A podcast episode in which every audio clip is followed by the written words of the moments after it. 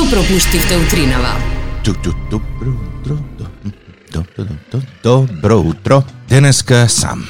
Од денеска повторно само тик-так. Вчера гледавме футбал, Македонија за жал изгуби 3 према 1 од Австрија, меѓутоа после долги долги години со задоволство можам да кажам дека македонската фудбалска репрезентација играше фудбал.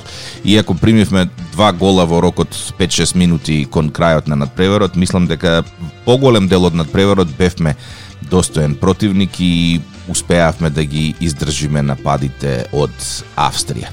Столе Димитриевски со една одлична одбрана утринава е распослан по социјалните мрежи, обтегнат помеѓу стативите и сите со коментар како успеа да ја фати оваа топка. Успеа затоа што човекот го бива. Решив потоа да гледам малку фудбал во вечерните часови, чисто да видам што не очекува на 17 и на 21 и изненадување.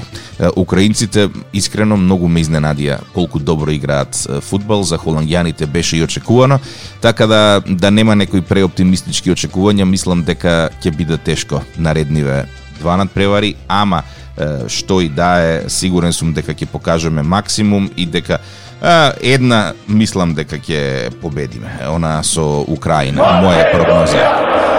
А во меѓувреме навивачи наши еден купи во Букурешт и во Амстердам со тоа што по социјални мрежи имаше некои коментари дека е, во Холандија не е баш така лесно да се влезе по по земјен пат, ќе има вишо карти па може да си ги е, вразмените. Има наши што живеат во Амстердам, сигурен сум дека би биле презадоволни да успеат да дојдат до билет плюс за некој од надпреварите.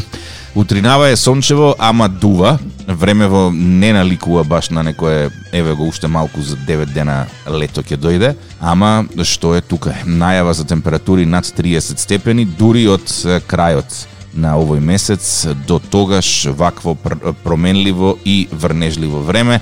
Денеска најава за дошт нема, ама тоа не значи дека нема да се појави од некаде и да не изненади, затоа што како резултат на ова глобално затоплување дошт ба, има. Еве ги, прогнозата вели до а ова се веќе оптимистички вести. Денеска утре и задутре 27 максимални е од 19 јуни се очекува затоплување, минималната температура некаде околу 15, 16, 17 степени, а максималната до 30 степен ќе се искачува. Се уште, мислам дека голем дел од граѓаните во Скопје не е одбрале опцијата за ладење на, на климатизерите. Мислам дека нема потреба. Топличко е.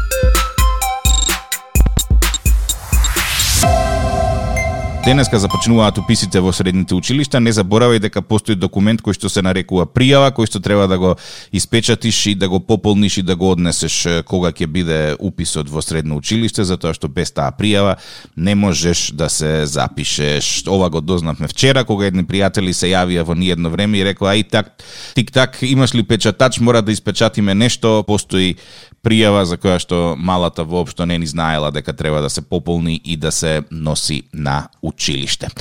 Топло денеска 27 степени без најава за дошт, барем во наредниве 5 6 7 8 9 дена ќе биде убаво времето и нема дождот да не малтретира. По 8 часот како да се справите со малите деца? Знам дека во денешно време е тешко да се биде родител, активности од сите страни, малите си го бараат вниманието, а јас како искусен родител со веќе возрастни деца и можеби внуци на пат, некои од моите совети како тоа најубаво да се справиш со малецките кога тие стануваат буквално неподносливи. Сите оние кои што имаат деца знаат на моменти колку е тешко да се справиш со нивните барања, желби и слични потреби, посебно во ситуации кога ќе дојдат гости или кога треба некаде да се оди. Како тоа да го решиш на креативен начин? Одлично искуство, еден од најдобрите начини малку да се одмориш од играње и менаджирање со деца е да изиграш една долга партија на, на криенка. При тоа Тоа имаш две опции. Една опција е децата да се кријат, а ти да се преправаш дека ги бараш, а втората опција е ти да се сокриеш некаде и по можност да ја заклучиш вратата за да децата буквално не можат да те откријат. Ако некогаш ги изгубиш децата во маркет или слично, најголема е веројатноста дека ќе си ги најдеш околу тоалетот, затоа што 9 од 10 родители ќе потврдат дека во моментот кога ќе се излезе од дома да се оди во золошка, луна парк, парк или било каде, мајка природа го вклучува алармот и почнуваат муабетите од типот леле ми, ми треба тоалет, а тоалет никаде во е, близина. И е, трета битна работа, секогаш слушајте совети од лица кои што немаат деца, затоа што тие лица најчесто ги имаат и најдобрите совети за тоа како да се справиш со деца. Не прашувај зошто е тоа така, едноставно некои работи така функционираат.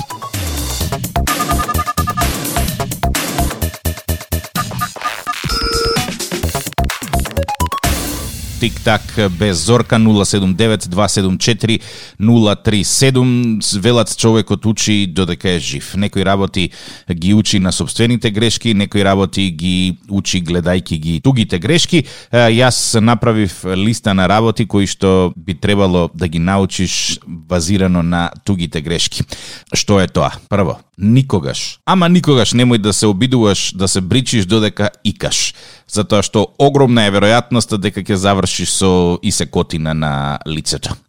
Доколку врата од некој дуќан делува дека е отворена, не секогаш значи дека е отворена.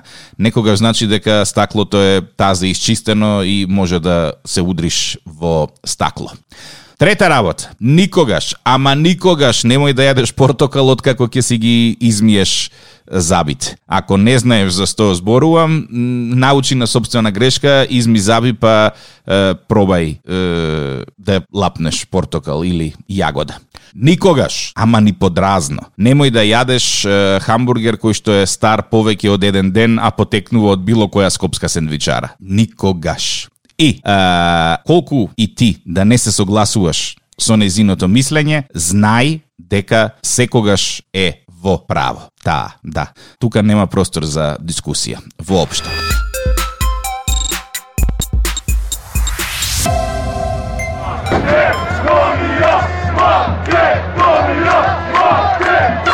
Вака ечеше вчера во Букурешт, за жал македонската фудбалска репрезентација поразена од е, Австрија со конечен резултат 3 спрема 1, одличен фудбал изиграа нашите, на шашма примија еден гол, меѓутоа после долго долго време мислам дека македонската репрезентација игра фудбал.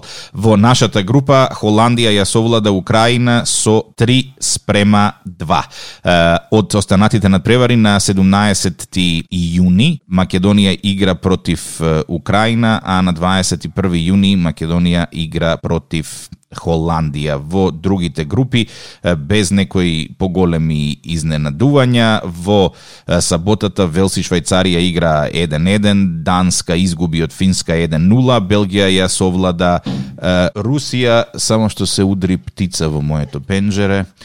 Денеска на надпреварот Шкотска, Чешка во 15 часот, во 18 часот во групата Е играат Полска и Словачка, а во 21 часот дербито на вечерта помеѓу Шпанија и Шведска.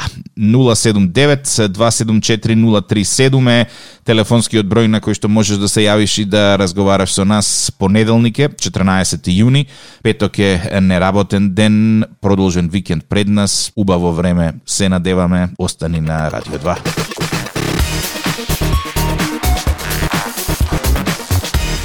Заради технички зафати во дистрибутивна мрежа без електрична енергија денеска граѓани од кисела вода и тоа помеѓу 8.30 и 14 часот. Долг е е, списокот. Е, улица Нагоричанска и Сердарот и улица Малешевска во општина Кисела вода. Без електрична енергија од 9 до пладне корисниците на улица Джумајска, од 9:30 до 13 корисници на улица Јан Хус во општина Карпош, а од 12 од 9 до 12 часот без струја и корисници на улица 5 во село Сопиште и корисници од дел во село Горна Матка во општина Сарај. Сето ова со цел да се подобри процесот на снабдување со електрична енергија. Во текот на викендот актуелно во Скопје беше сечењето на дрва на улицата Орце Николов. Надлежните рекоа дека дрвата се сечат поради тоа што немале корени. Па луѓето, граѓаните се налутија, па излегоа на протест, па сега градот, односно општина центар ветија дека на местото каде што беа исечените дрвја ќе се посадат нови садници кои што за многу кратко време ќе го зазеленат овој простор.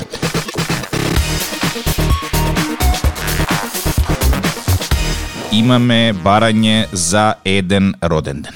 Ивана слави роден ден, воедно Ивана утринава има полагано и за возачка дозвола градска, а пред два месеци има дипломирано на правен. Ајде да видиме дали ќе успееме да ја добиеме Ивана. Многу ме интересира каков е исходот од возењето. Положи или не. Сигурно уште не вози. Ивана, каде си? Ја нема Ивана, за жал. На вистина ми е жал. Ивана, среќен роден ден. Се надевам дека успеа да положиш градска и ќе бидеш уште еден шофер на Скопските улици. А, останува и роден денот на Маријан. Вртиме за 5-6 минути. Остани на Радио 2.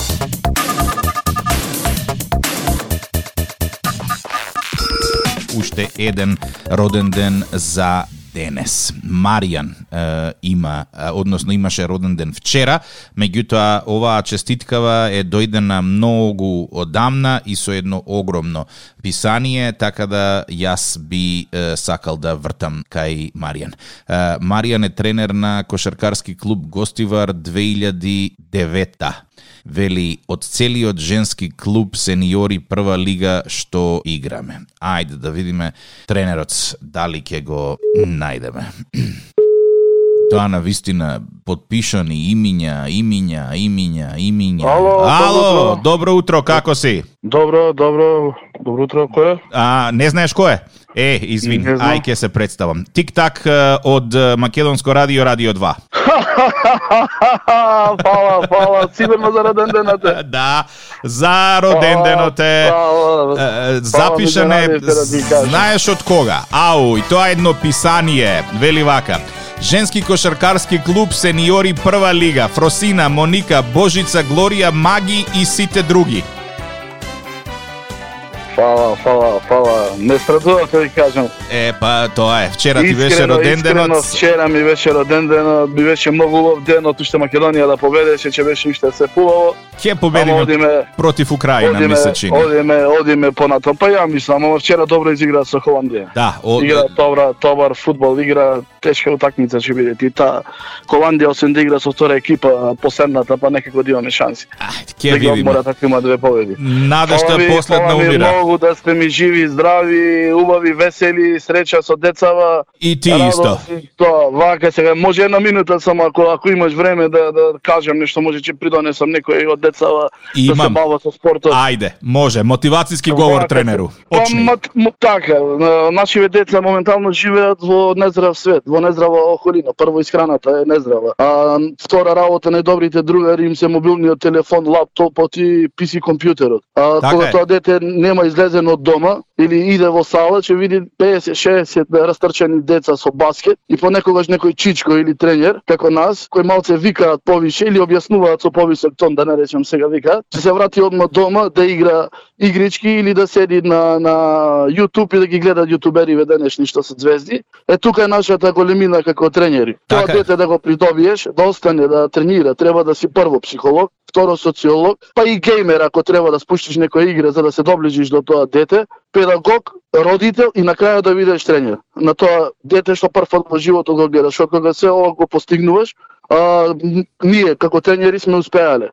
И после врската што станува помеѓу нас, тренерите и еве и, и девојчињата и машките, ние сме во клубот више 12 години, е нераскинлива. Значи таа се врзуваш како поблизок си до се да не зборам од родител, но поблиски сме за децава како нивниве нивниве родители. Како и за мене, така и за нив како тренер е големо богатство. Не е секогаш до до парите, не е секогаш до материјалното. Има многу убави моменти со тие деца, а, што срцето и душата се исполнети. Тоа сакав да го кажам. Јас се надевам дека заним... некој ќе те чуе и ќе да, ќе ќе го прими ова. Секој дете да се занимава, не мора да е со кошарката, сакам да се занимава со секој спорт што постои во Македонија, а, да излезе од дома, да осети тоа што е да истроши таа негативна енергија што има дома. Значи моментално деца, јас сум родител на на на три малолетни деца, гледам дека се поплавени со ова зло на 21 век интернетот. Колку што е користен, три пати или четири пати е поштетен